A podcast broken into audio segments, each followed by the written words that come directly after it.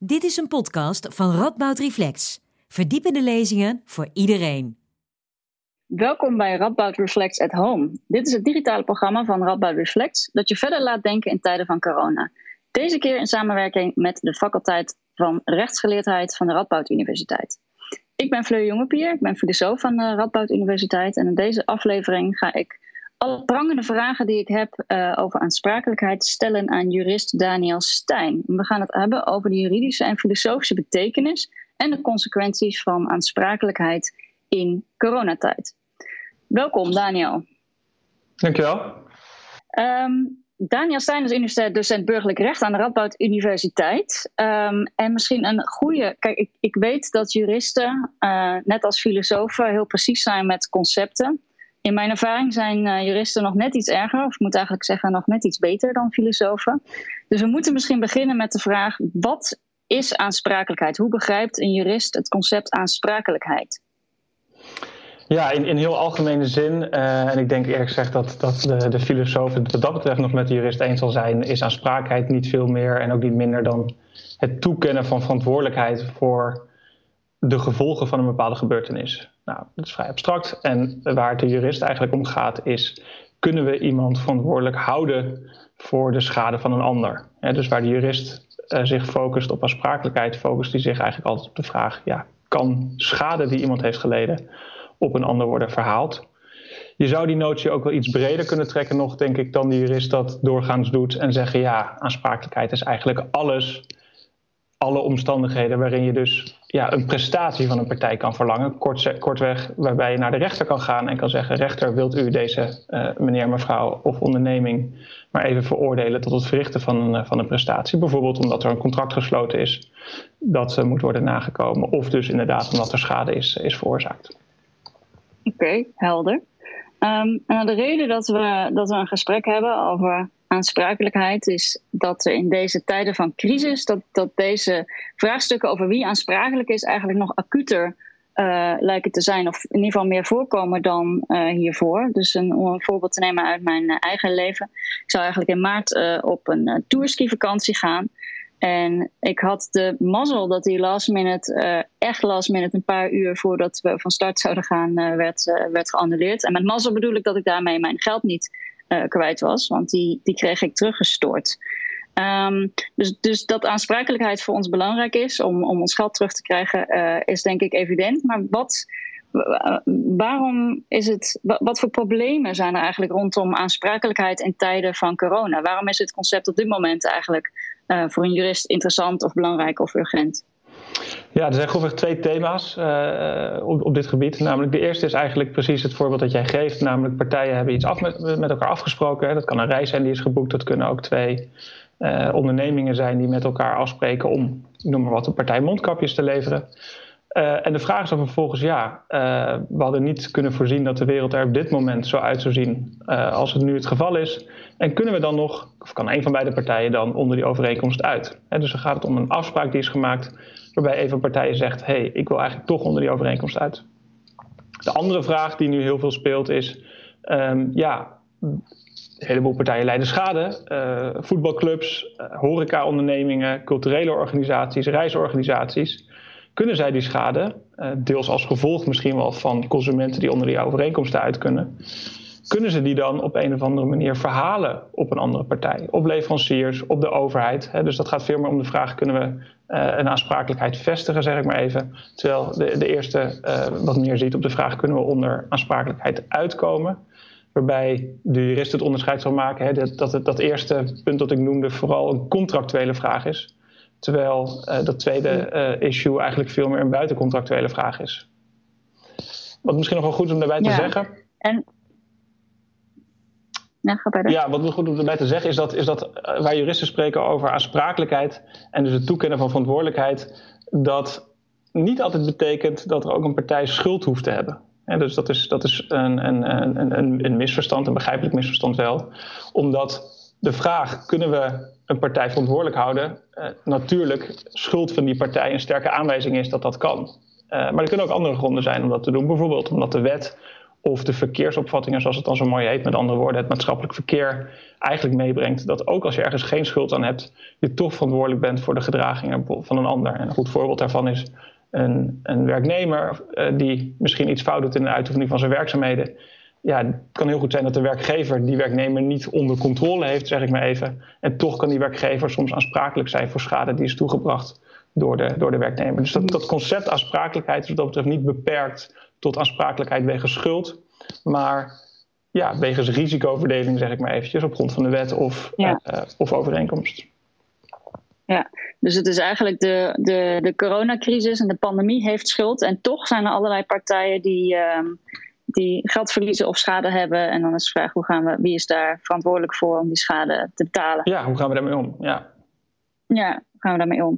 En is, kijk, de, situatie, dus we, er zijn nu zoveel uitdagingen, morele, economische, maar dus ook juridische uitdagingen, kan ik me voorstellen, over nou ja, welke rechten de consument op dit moment heeft.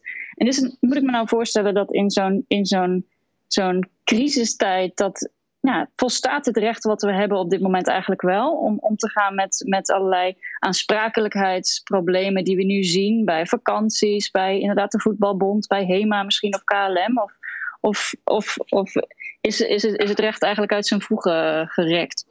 Ja, nou dat is een punt van dat, dat op dit moment volop eh, ter discussie staat. Uh, in ieder geval voor juristen. Die hebben daar continu debat over nu met elkaar. En ja, je ziet daar verschillende, verschillende opvattingen. Er zijn juristen die zeggen, ja, dit is eigenlijk dusdanig anders dan wat we normaal uh, meemaken in, in de wereld. En dat rechtvaardigt dat we daar ook heel anders mee omgaan dan we normaal gesproken doen.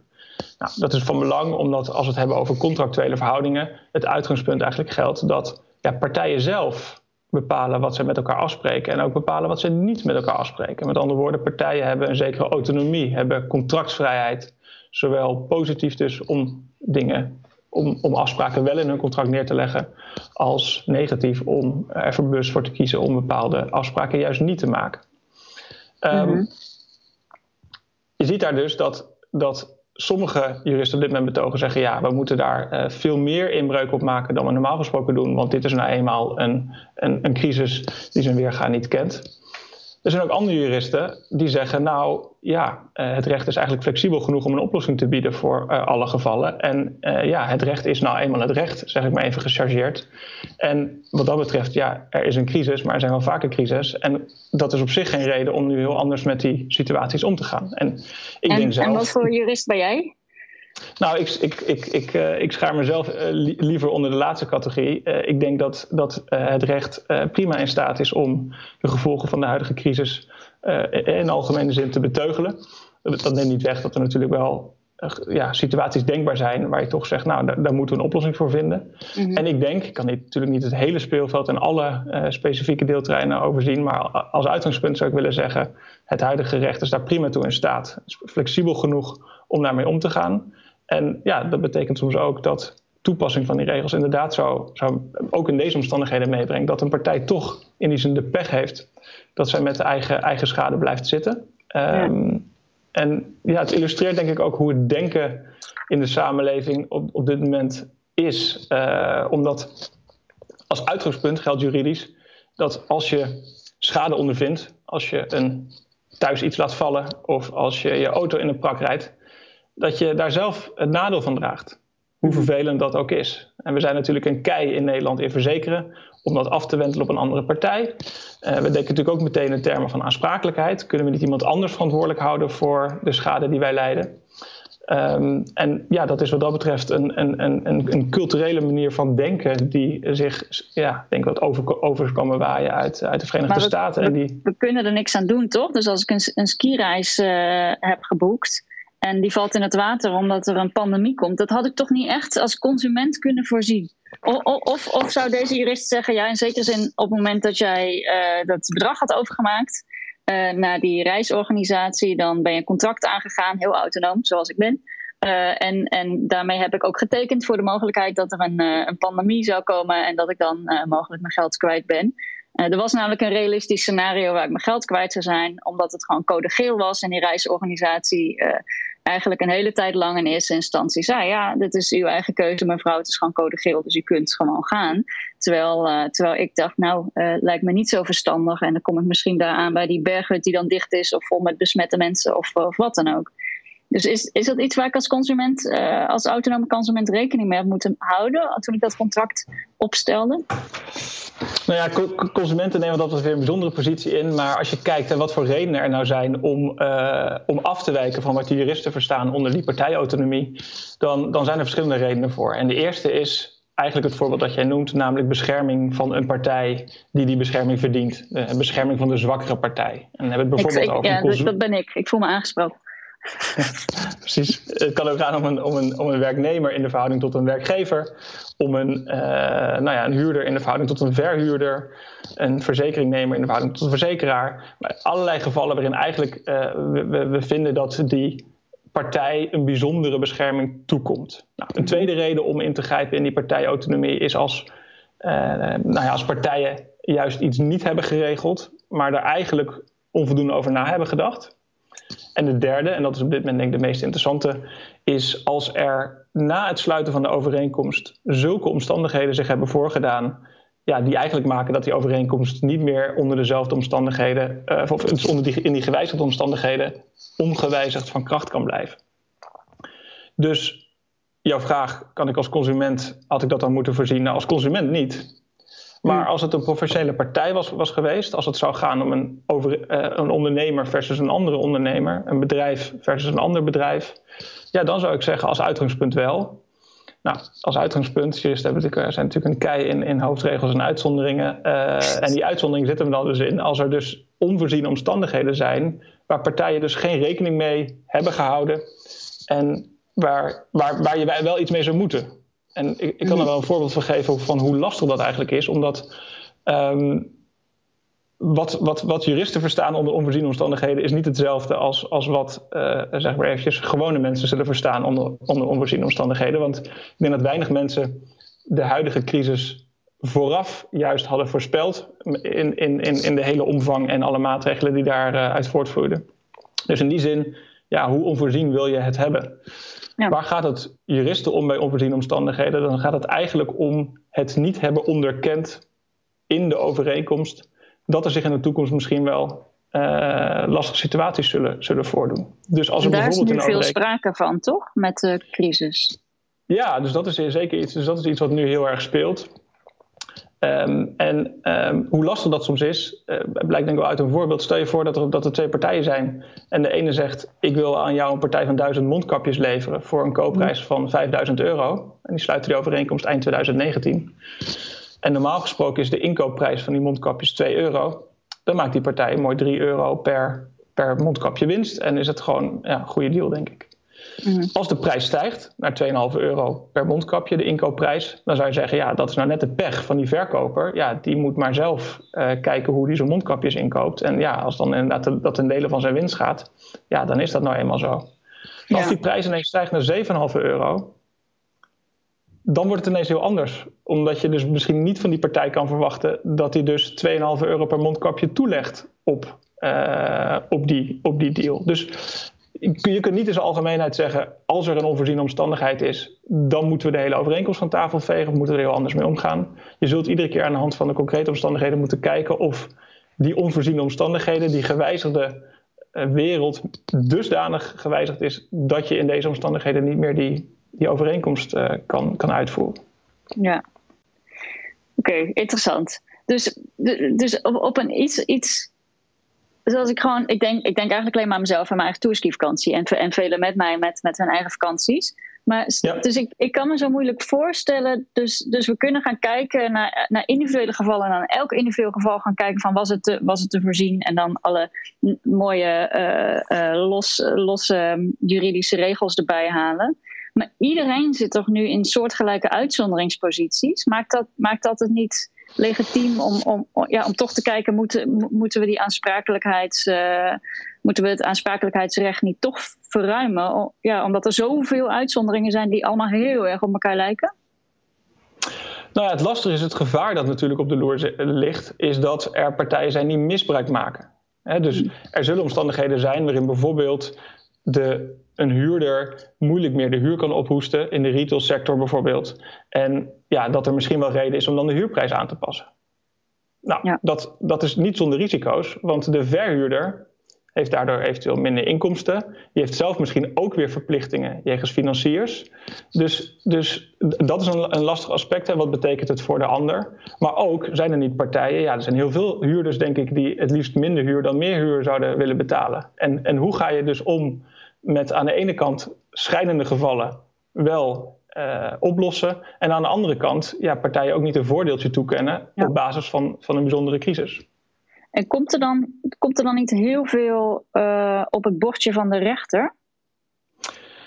Ja, dat, dat denk ik zeker. Uh, ik denk eerlijk gezegd dat de rechter wat dat ook een boel aan kan. Uh, maar er komt zeker een boel op de rechter. Hè. Dus als je kijkt, uh, je, je zou er natuurlijk ook best anders over kunnen denken. En kunnen zeggen, ja, iedere partij die nu nade ondervindt van, van de huidige coronacrisis moet ergens heen kunnen met, ja, met precies moet, moet ergens verhaal eh, op, op kunnen nemen.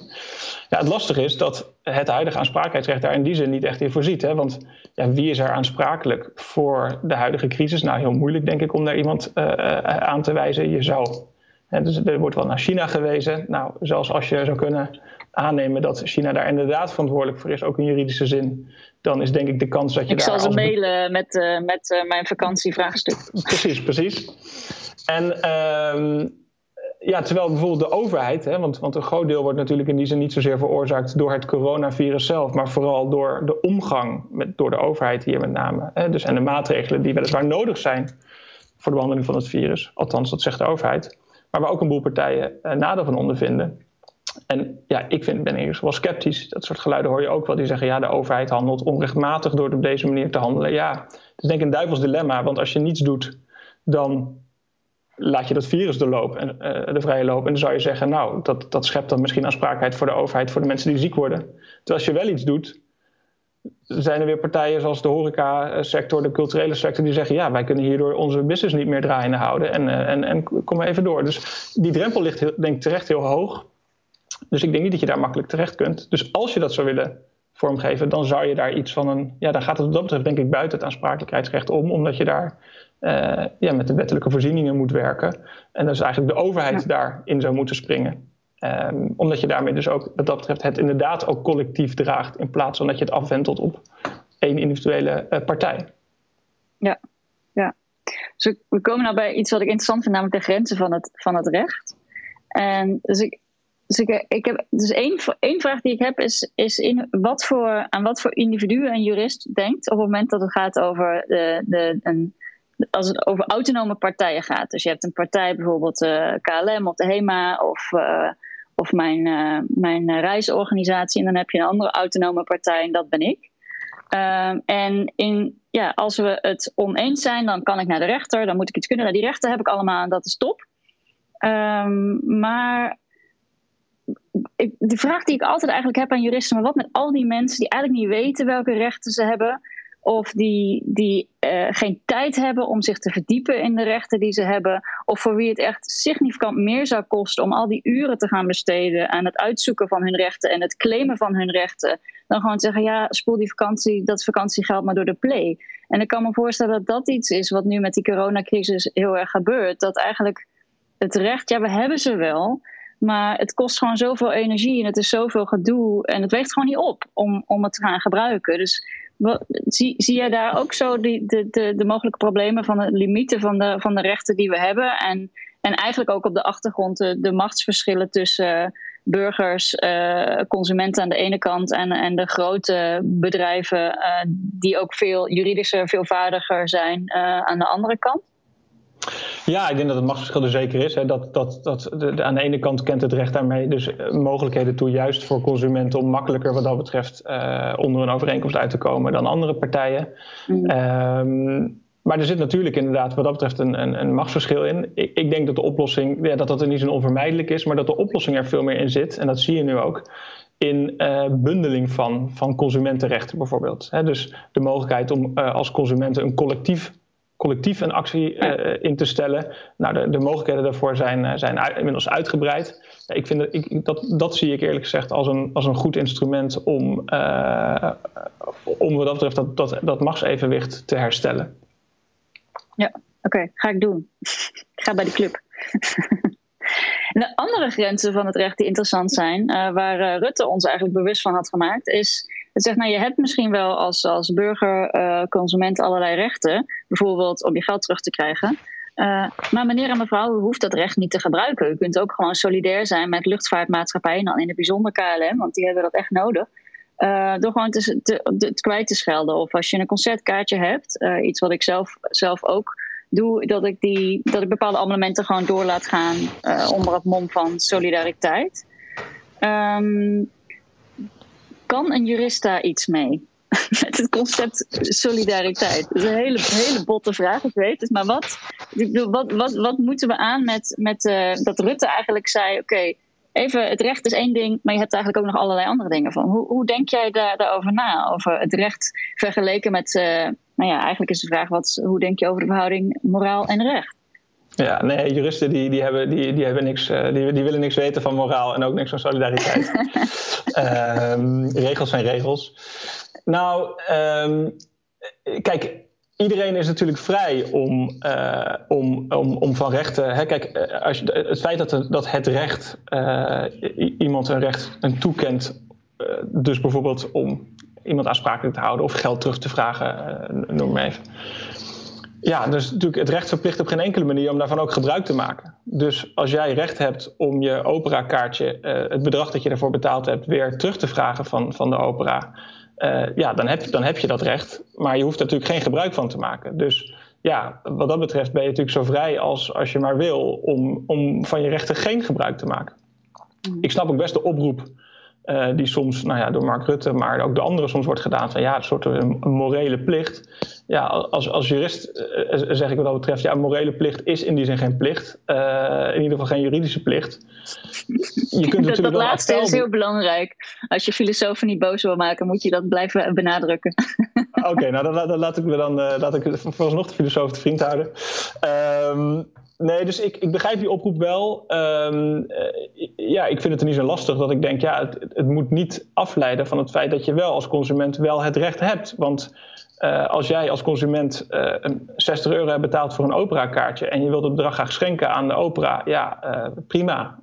natuurlijk geen enkel bezwaar tegen.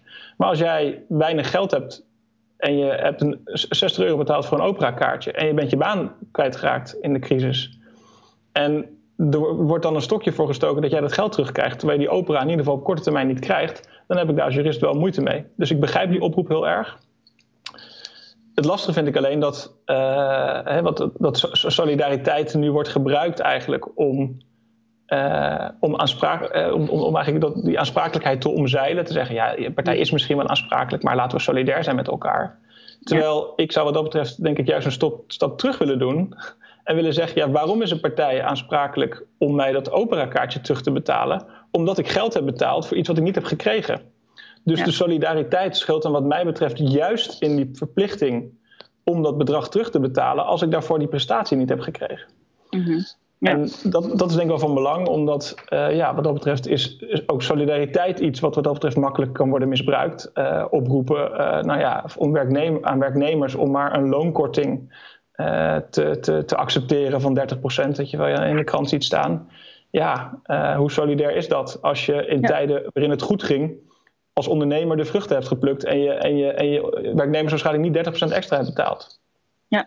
Ja, nee, ja, interessant. En wat ik ook opvallend vond, is eigenlijk dat Mark Rutte, uh, als, als liberaal, de oproep deed voor eigenlijk iets, ja, iets moreels. Een bepaald, inderdaad, een, een moreel appel.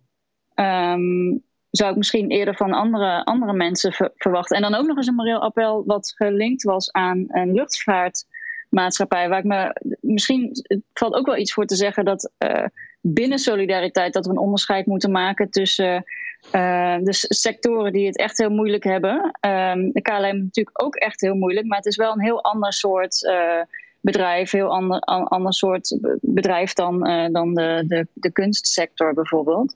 Um, dus ik, ja, ik vond het ook wel, uh, wel op, opmerkelijk eigenlijk. Ik zie dat wij uh, aan de tijd zitten. En ik wil eigenlijk afsluiten nog met een, een vraag iets dichter bij huis. Um, die ik zelf ook wel belangrijk vind. Namelijk wat, um, wat de coronacrisis in termen van aansprakelijkheid doet met ehm, allerlei tijdelijke contracten aan de universiteit. Dus er zijn nu heel veel mensen wiens die nou ja, bijvoorbeeld een onderzoek of hun werk niet hebben, hebben kunnen doen, of een proefschrift of een postdoc niet, niet kunnen afmaken, of totaal geen uh, artikelen hebben kunnen schrijven of, of wat dan ook. En bijvoorbeeld wiens tijdelijk contract niet nog een keer kan worden verlengd, omdat ze al een x aantal tijdelijke contracten hebben gehad. Daar hebben een hele leuke uh, wet voor die, die het dan onmogelijk maakt om nog een keer een tijdelijk contract te hebben. Is dat niet toch een situatie waarbij we het recht moeten verruimen of veranderen om beter om te gaan met de, de schade die. Um, die mensen met tijdelijke contracten hebben. Hoe kijk je daar tegenaan? Ja, dus het is inderdaad vooral eigenlijk een arbeidsrechtelijke vraag. Hè, van hoe moet je daar nou, daarmee omgaan? Ik, ik ja, ik rek geen... aansprakelijkheid nu heel ver op. Maar dat ja, nou, dat, dat, dat, dat, dat geeft niet. Ik, uh, ik, ik, ga graag mee. Uh, maar wat ik van, van de arbeidsrechters begrijp is dat ze zeggen... ja, eigenlijk is die hele regeling in die zin ongelukkig... omdat ja, de gedachte achter die regeling is, ja, je kunt maar drie keer een tijdelijk contract aanbieden.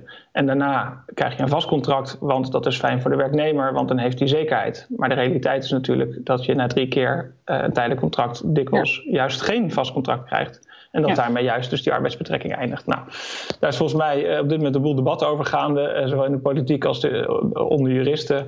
Ehm, eh, ja, ik kan me best voorstellen dat, er, dat als er schijnende gevallen zijn, dat je daar in die zin anders mee omgaat. Ik, ik zie alleen daar geen ruimte voor, uh, voor, voor de rechter om dat te doen.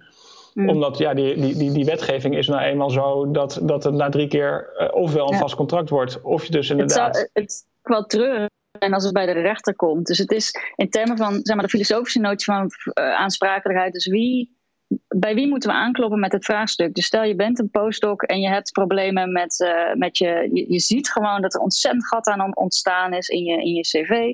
Um, nou, dan kun, je, dan kun je natuurlijk aankloppen bij, bij de rechter, maar je kunt ook aankloppen bij de universiteit en je kunt aankloppen bij de faculteit. En het is, lijkt mij heel waarschijnlijk dat, dat een, een faculteit doorwijst naar de universiteit en de universiteit naar VSNU en de VSNU naar de regering. En zo gaan we verder. En valt er niet iets voor te zeggen dat we juist niet naar die rechter gaan, maar juist dit soort conflicten op een lager niveau oplossen. En dat faculteiten gewoon zeggen: ja, dit is een probleem en we staan voor onze werknemers en we gaan hier gewoon zelf iets voor, uh, proactief voor verzinnen.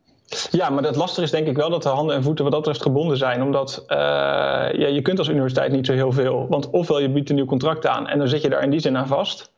Uh, ofwel je doet dat niet. Dus het is wat dat betreft een probleem dat universiteiten niet zelf kunnen uh, oplossen. Omdat het iets is wat de wetgever moet doen.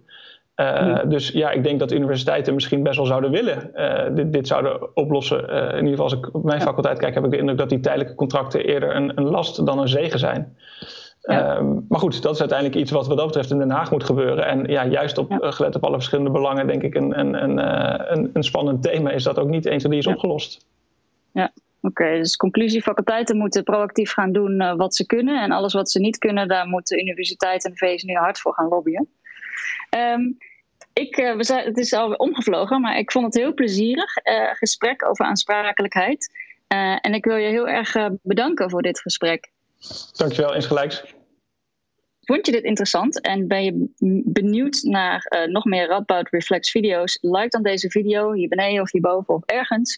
Uh, en je kunt je ook abonneren op het YouTube kanaal. Uh, houd ook de website ru.nl slash in de gaten en volg Radboud Reflex op de sociale media. Hopelijk tot een volgende keer.